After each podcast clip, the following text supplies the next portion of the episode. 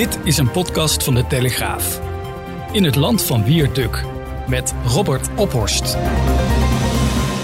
Donderdag 1 oktober, daar zijn we weer. Wiert, heb jij uh, vandaag al een mondkapje op gehad?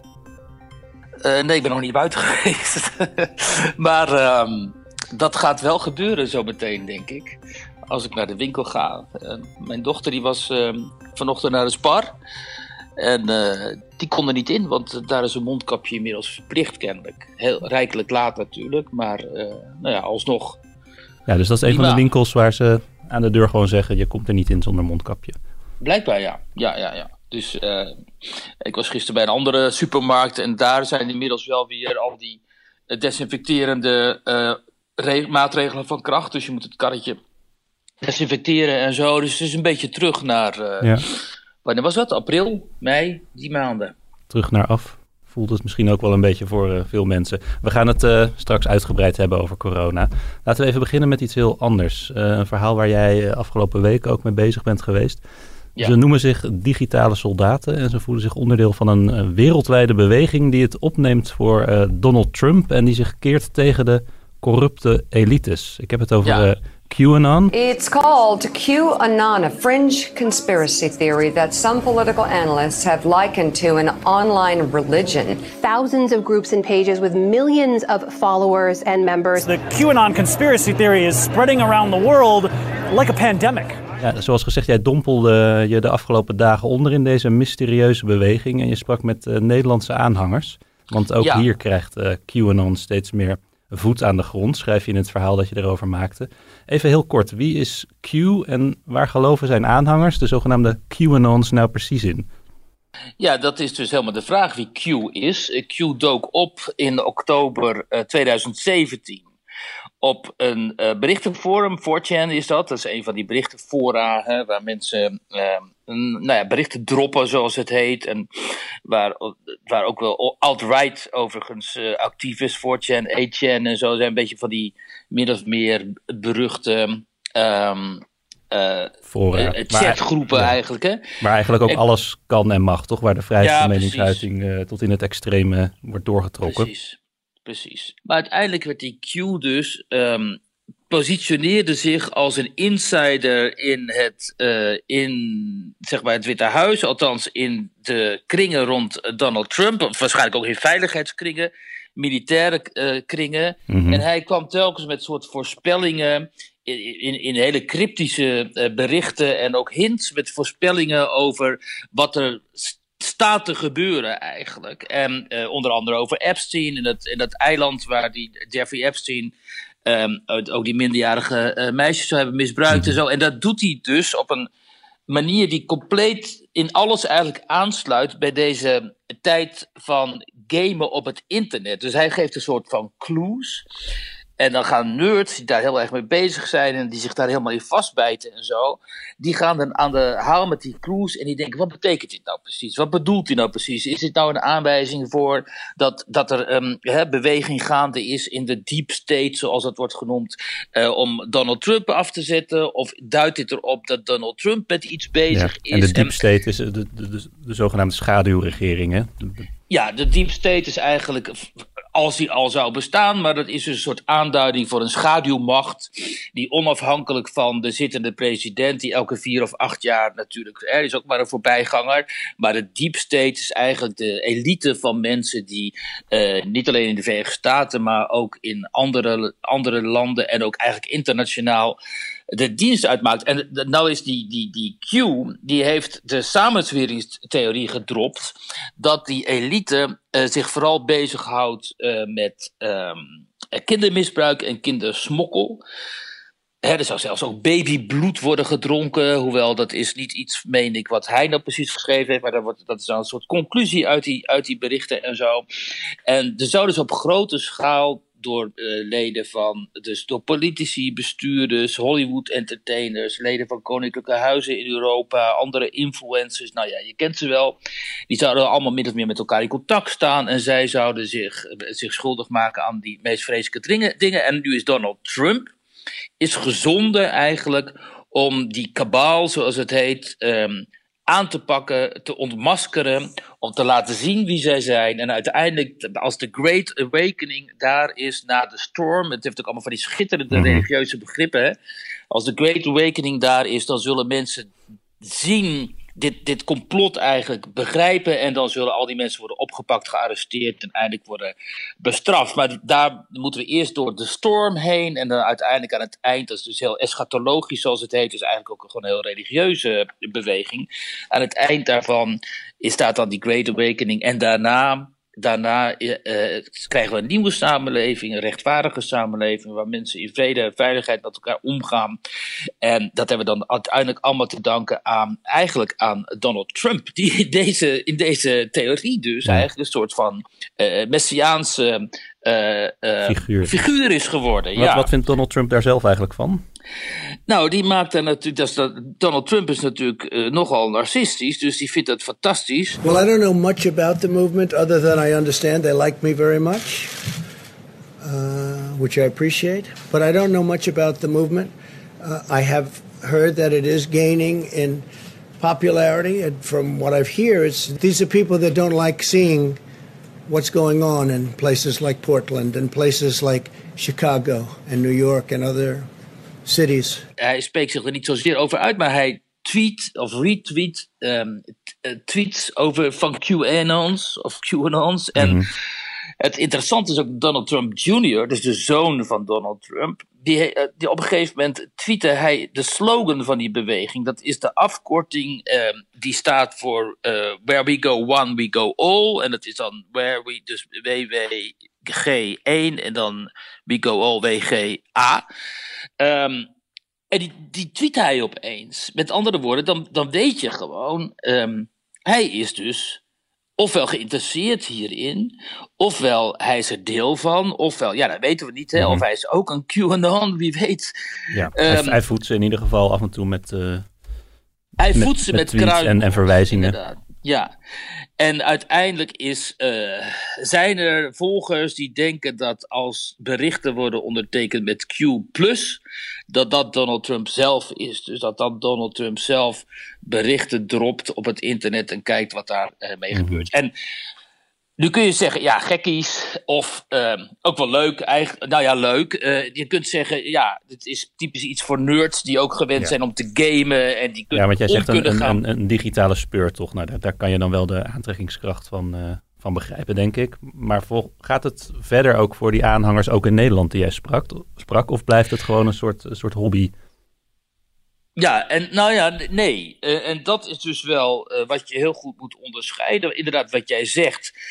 Je kunt het zien als een uh, soort spel voor mensen met te veel tijd. Maar er zitten ook hele duidelijke, hele bedenkelijke kanten hier aan. Omdat er extreem. De, hè, er zitten ook extreem rechtse kanten aan. Dat is onmiskenbaar. Ook wel antisemitisch waarschijnlijk. Mm wat je af en toe ziet in die groepen. En sowieso radicale in die zin dat uh, veel van deze mensen niet meer geloven in uh, de democratische rechtsstaat. Omdat ze immers ervan uitgaan dat die democratische rechtsstaat, voor zover die in hun ogen al bestond, is gekaapt door een, door een, door een hè, criminele elite, of een amorele, of immorele elite, die uh, de rest van de burgers een rad voor ogen draait. Dus ja. zij geloven niet langer in de kracht van de democratie. Dus zij marginaliseren compleet. En aangezien, en het, het, het kijk, dat, dat is altijd, hè, je hebt altijd zoiets waar onder invloed van het internet en uh, de sociale media vooral, en ook corona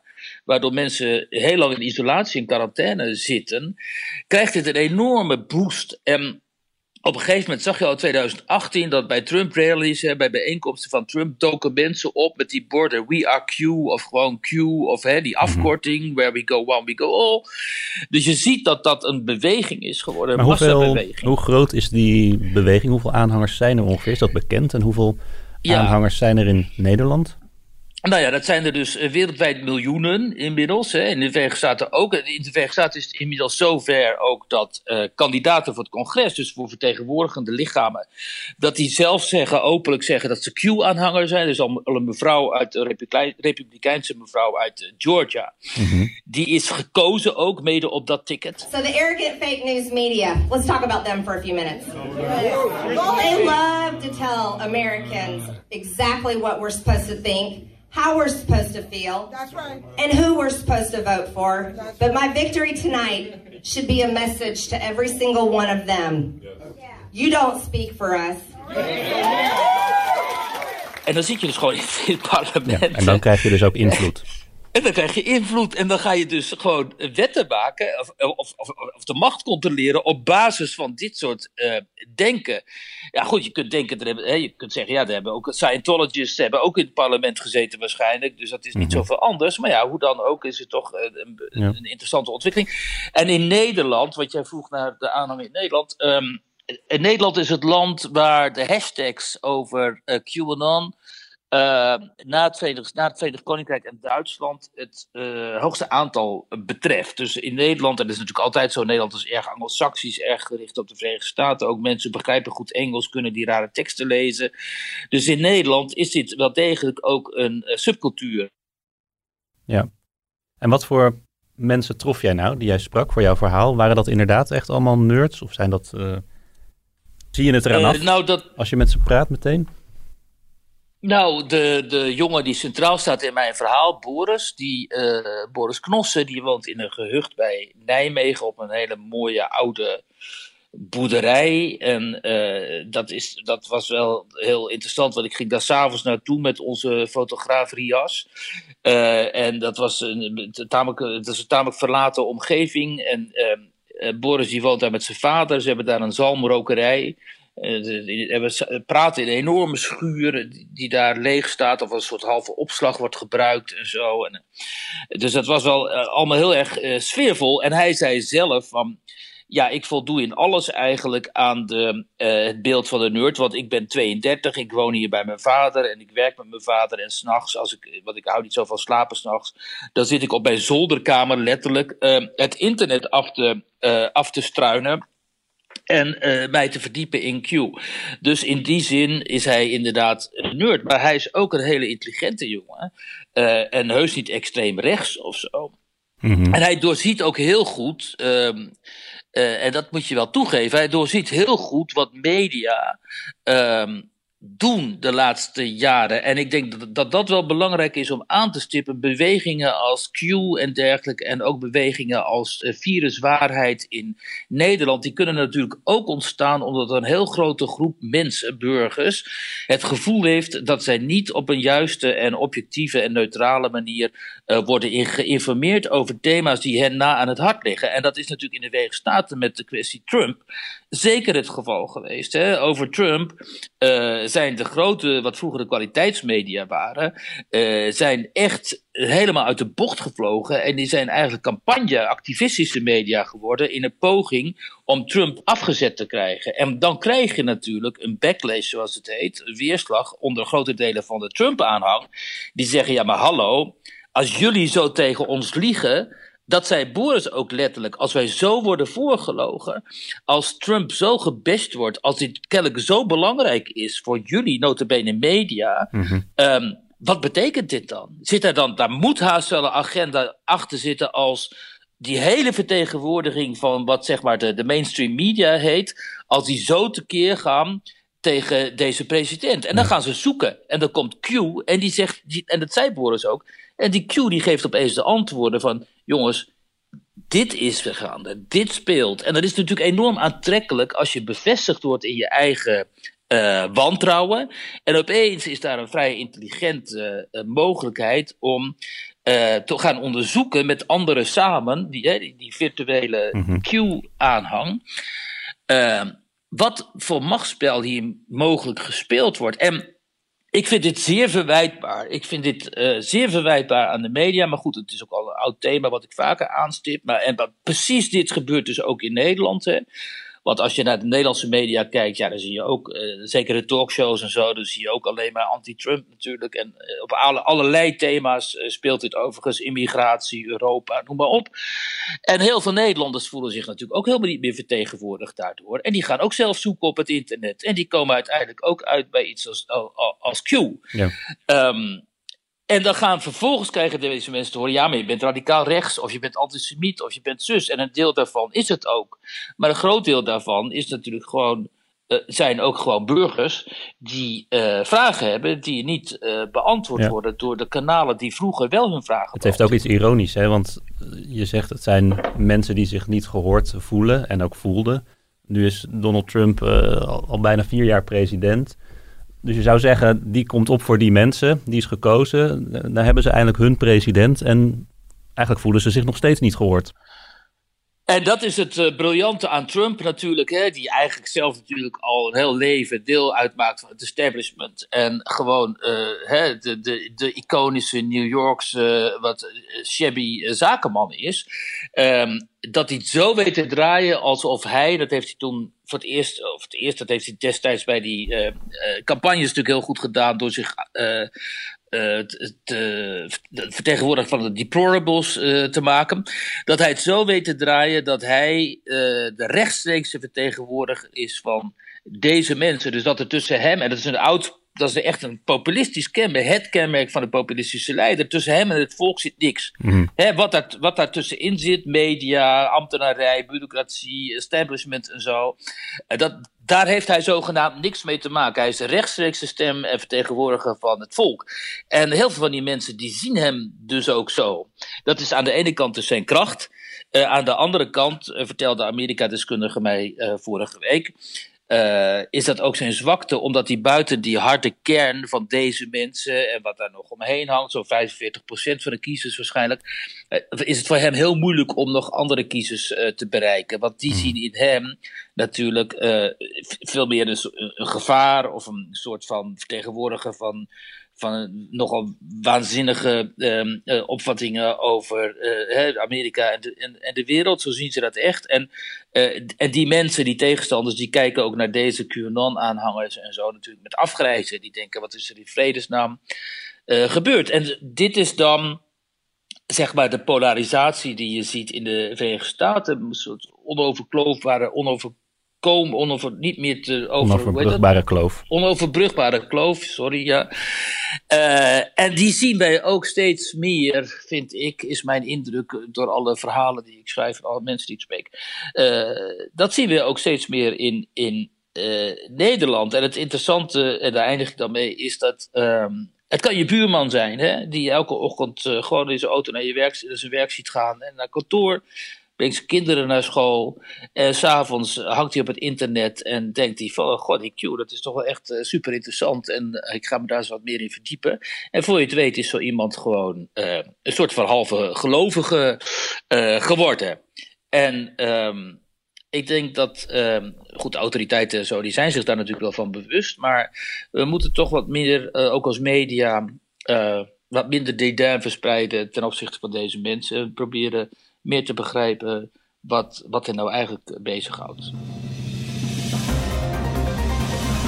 Corona dan. We hebben zo'n uh, zeven maanden lang gebakken over mondkapjes, geloof ik. Sinds, sinds het begin uh, van het virus.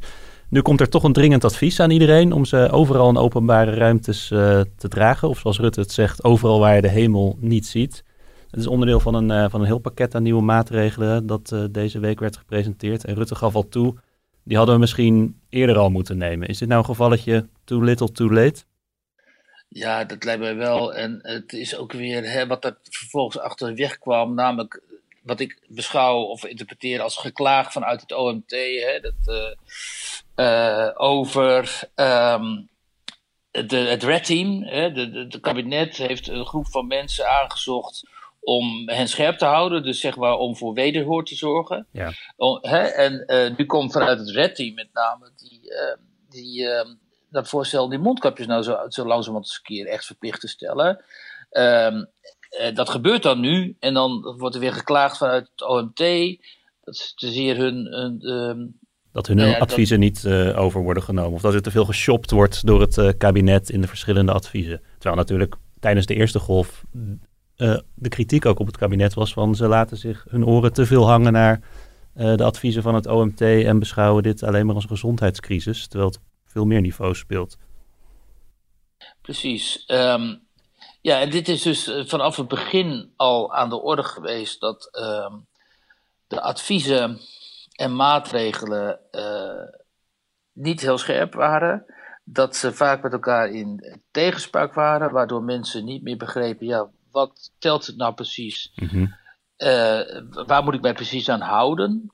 Ehm, Dan helpt het misschien ook niet dat het nu gaat om, wat betreft die mondkapjes, om een dringend advies en niet om een verplichting. Nee, die mondkapjes, dat is eh, mijn, mijn idee geweest. Die hadden al gewoon, net als in andere landen, eh, veel sneller verplicht moeten worden gesteld voor binnenruimtes. Hè, voor, ehm, voor winkels en kantoren en dergelijke. Ehm, en als je die verantwoord op een verantwoorde manier gebruikt, hebben ze wel degelijk effecten. Ze hebben ook gewoon een symbolisch effect, namelijk dat mensen snappen van ja, zie je, eh, eh, we hebben nog steeds te maken met dit virus. Ehm, maar telkens als je zoiets zegt, dan komt er weer iemand die het beter weet. Die zegt, ja, maar de mensen gebruiken die mondkapjes helemaal niet goed. En die mondkapjes worden zelf infectiehaard en oh, oh, en onze vrijheid. En we worden beperkt in onze burgerrechten en allemaal dat soort onzin en zo. En eh, ja, dat is heel erg Nederlands eh, natuurlijk ook. Mensen beginnen onmiddellijk te klagen Mhm. als de overheid iets van hen vraagt. Ja, we zijn niet zo gezagsgetrouw als de Duitsers bijvoorbeeld. Nee, bijvoorbeeld. Maar ja, dat, kan dan, dat is dan zo. Maar dan, het is, is wel een feit dat de Duitsers het wat betreft eh, corona op dit moment heel veel beter doen.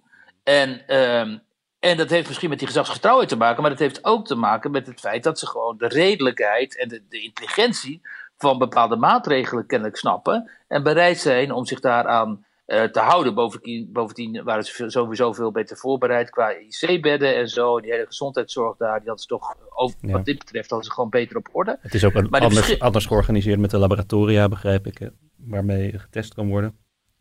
Centraal Ja. aangestuurd. Ja, ja. En die laboratoria, die Duitse laboratoria, die zijn veel beter ingespeeld op wat er gebeurt tijdens een eh, pandemie. Ik las een eh, artikel waarin een, de Andreas Vos, dat is een eh, Duitser eh, hoogleraar die in Nederland werkt. En die zegt daar dat eh, sommige Duitse laboratoria zijn zo groot dat ze de totale Nederlandse testvraag er zelfstandig bij hadden kunnen doen. Dat is dus enorm. Dus eh, dat hele gedoe in Nederland, hè, dat we zitten met dat testen en dat die testen veel te laat, eh, dat de testuitslagen veel te laat komen en zo. Dat had dus in Duitsland was er helemaal geen, eh, nooit sprake van geweest. En hoe, hoe, hoe, hoe naar dat is, eh, kan ik je vertellen. Want ehm, eh, nou, bijvoorbeeld in het geval van mijn eigen dochter, die zat in een studentenhuis en daar werd iemand besmet. Toen, moest, toen was de vraag, wat gaan we nu doen? Ehm, nou, dan moet je dus gaan testen. Dan ben je twee, drie dagen verder op dat moment, dat was twee weken geleden. Twee, drie dagen verder voordat je überhaupt ergens kunt testen. En dan ben je getest en dan ben je nog twee dagen verder, want die uitslag die komt pas twee dagen later. Dus er gaat een hele tijd overheen van onzekerheid, waarin die mensen eh, niet naar buiten kunnen, niks kunnen doen, niet weten ben ik nou besmet of niet. En dit speelt dus ook in de zorg. Ik hoorde een mevrouw van een zorgcentrum voor bejaarden die zei: Ja, ik kan, op zo, ik kan zo langzamerhand mijn personeel niet meer gaan inplannen. Want ehm, er moeten telkens mensen worden getest. Eh, omdat ze verschijnselen hebben en, die en ze kunnen niet snel worden getest. Hoewel zorg en onderwijs en personeel dan voorrang zouden krijgen. Maar in dit geval kan het dus to- toch Ja. niet. Nou ja, Dus ze die krijgen geloof ik ook wel voorrang. Alleen ook als je voorrang krijgt, is er nog een wachtrij. Ja, en die mensen zijn dus dagen uit de running. En ze zegt, mijn hele systeem loopt vast. En ik kan op dit moment gewoon niet de zorg geven die ik zou moeten geven. En ehm, dan denk je, hè, met het voorbeeld van Duitsland voor ogen, nou daar kunnen we al helemaal niet aan denken. Want dat, is, dat, dat kan in Nederland helemaal niet meer. Maar je kunt wel zeggen van, joh, de afgelopen maanden wisten we dat die tweede golf zou komen. Hugo de Jonge, de minister, die wist dat ook. Hè, andere mensen met verantwoordelijkheden op deze posities, die wisten dat ook. En het is gewoon niet, eh, het is hen gewoon niet gelukt.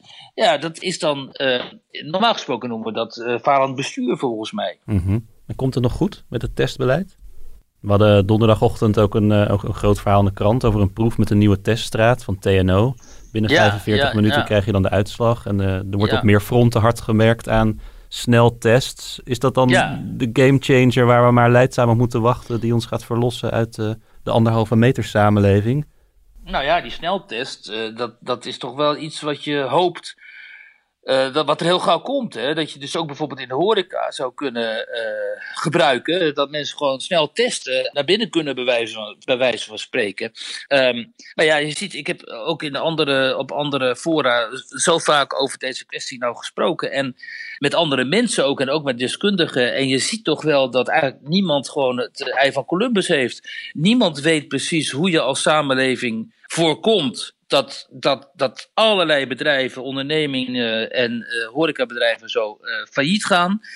Uh, en als je dat dan niet, hè, het, en, en, als je de samenleving open wilt stellen, hoe je dan voorkomt ja. dat mensen die massaal besmet raken. Dat is ook een dat... beetje het, misschien een beetje het beangstigende. Hè? Dat, er is niet een heel duidelijk einddoel voor ogen waar we met z'n allen naartoe gaan. Anders dan dat er misschien een keer een vaccin komt en ja, en er zijn er nog mensen die zeggen: ja, maar verwacht ook niet te veel van een vaccin, want dat gaat ook nog heel lang duren. Maar ja, als je dan leest dat bijvoorbeeld zo'n iconisch restaurant in, uh, Den, in Haag, uh, Den Haag, Garuda, hè, dat is echt zo'n heel oud Indonesisch restaurant, wat, wat heel veel mensen daar kennen, dat die uh, eigenaar faillissement heeft aangevraagd. Ja, dat, dat is toch echt ontzettend treurig. En ik zat van de week in een uitzending met um, een uh, meneer die heeft iets van 15 horeca-ondernemingen in Amsterdam. Uh, en die, ja, die zegt om vijf uur s ochtends zit ik nog te appen met mijn collega's over wat we in vredesnaam kunnen doen. Want we gaan onderuit gewoon. En als ze niet. En die, hij werd ook helemaal gek van al die, uh, uh, die vage maatregelen. En ook het gebrek aan wat hij zei. Ehm, contact. Hij zegt: We hebben zoveel goede ideeën en we hebben zoveel goede plannen die we zouden kunnen verwezenlijken. Maar dan probeer ik het OMT of het RIVM te bereiken.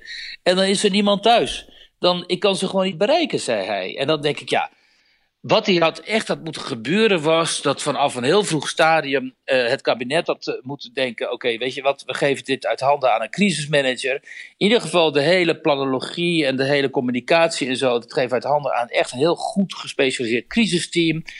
Met iemand met gezag en ook die, uh, met mensen uit de communicatiesfeer die echt precies weten hoe je moet communiceren naar verschillende doelgroepen. Dus naar ouderen, naar jongeren, via welke kanalen. Uh, hè, en hoe we bereikbaar kunnen zijn ook. Dat je gewoon via een website, dat mensen weten wie zijn de aanspreekpartners, wie moet ik hebben voor dit, wie moet ik hebben voor dat. Ja, dat is allemaal toch niet gebeurd. Uh, en dan krijg je dit soort situaties. En ik vind dat ontzettend wrang voor die ondernemers. Ik vind het wrang voor die studenten die gewoon niet naar college kunnen en die een waardeloze begintijd hebben van hun studie. Voor die ondernemers is het nog veel erger. Die gaan, die gaan failliet. En, nou ja, en als je dan inderdaad kijkt naar die situatie in Duitsland, dan, denk je, eh, dan zie je, ja, het had toch anders gekund. En um, daar moeten uiteindelijk zullen daar toch um, in politiek mensen op moeten worden afgerekend, neem ik aan.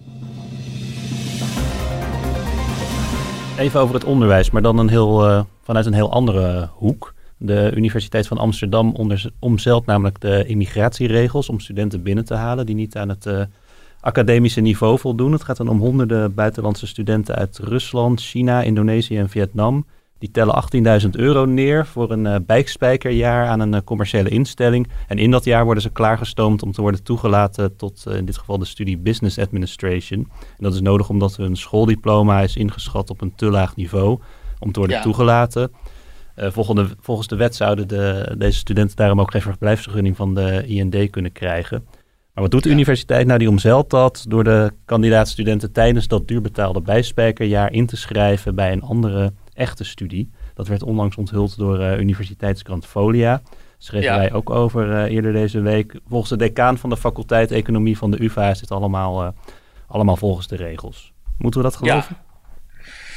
Ja. Jazeker.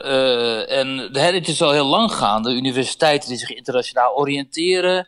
De Rijksuniversiteit Groningen ging bijvoorbeeld naar China, omdat ze, daar, omdat ze vonden dat ze daar een taak hadden. En ze proberen dus vanwege het geld inderdaad zoveel mogelijk buitenlandse uh, studenten aan te nemen, waardoor ook de, de, voertaal Engels wordt op die uh, onderwijsinstellingen, wat heel slecht is, omdat het dan een heel slecht type Engels is.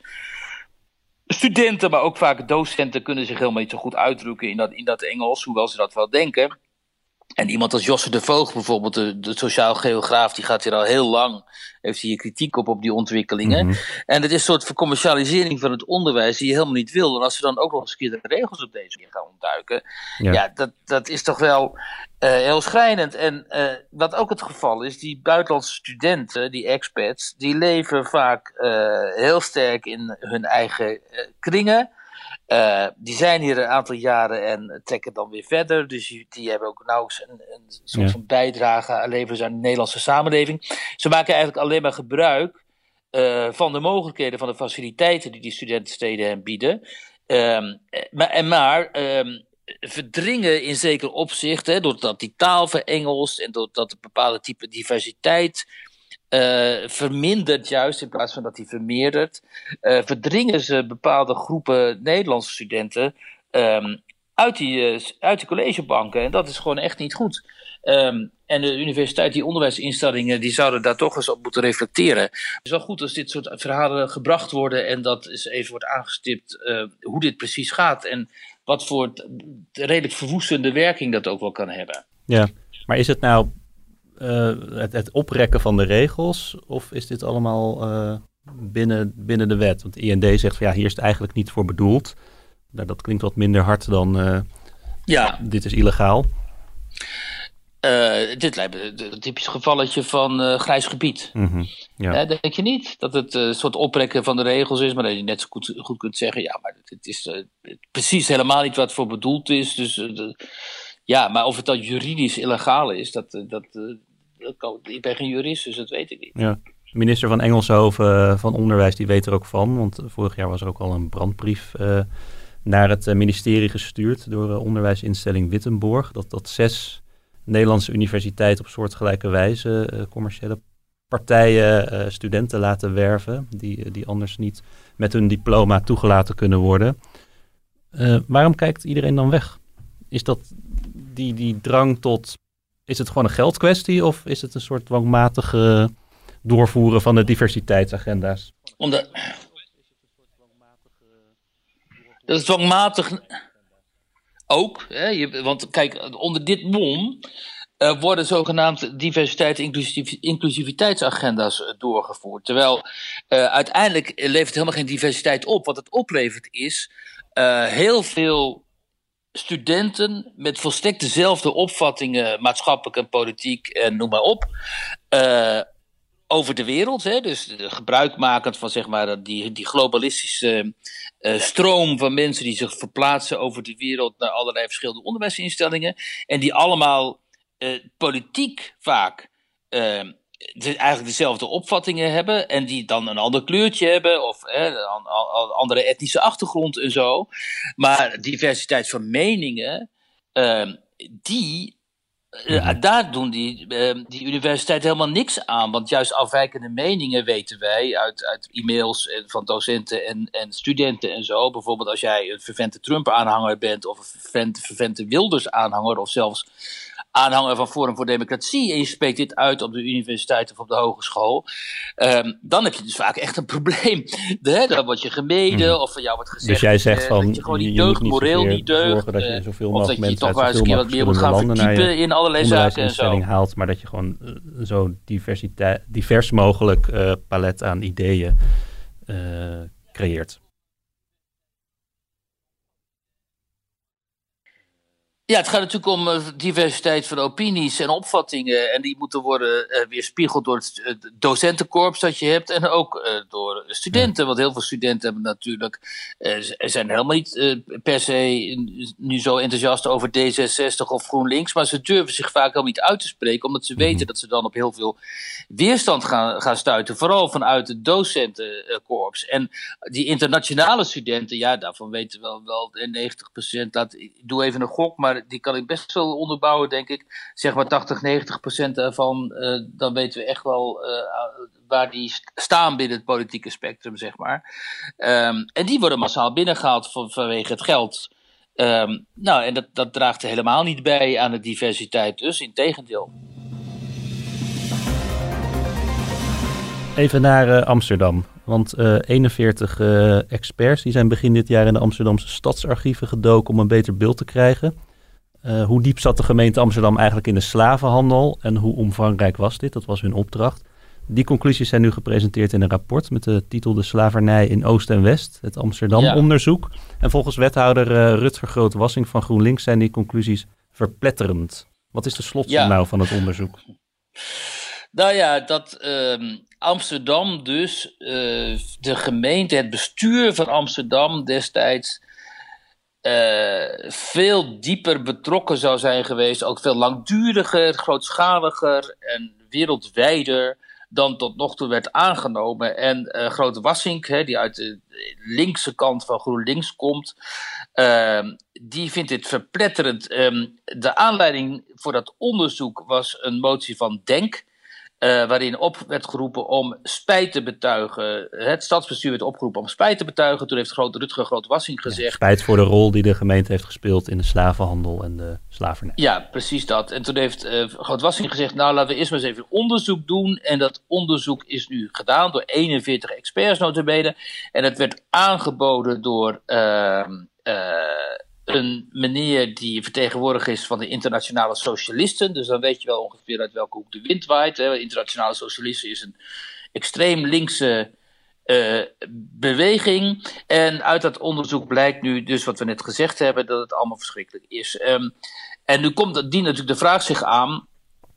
Uh, wie moet precies excuses aanbieden, uh, voor wat precies en aan wie? Mm -hmm omdat het uh, heel vreemd is om het huidige gemeentebestuur te zien als uh, een verlengstuk van destijds uh, de, de, degene die destijds in Amsterdam wat zeggen hadden. Dus dat patriciaat van destijds. En het is ook heel raar, lijkt mij, om als je bijvoorbeeld Surinamer bent of Ghanese, zoals Aquasi of die Jerry Afri van, van Out Zwarte Piet, die zijn afkomstig uit Ghana om jouzelf dan te zien als vertegenwoordiger van die uh, slavernijgemeenschappen.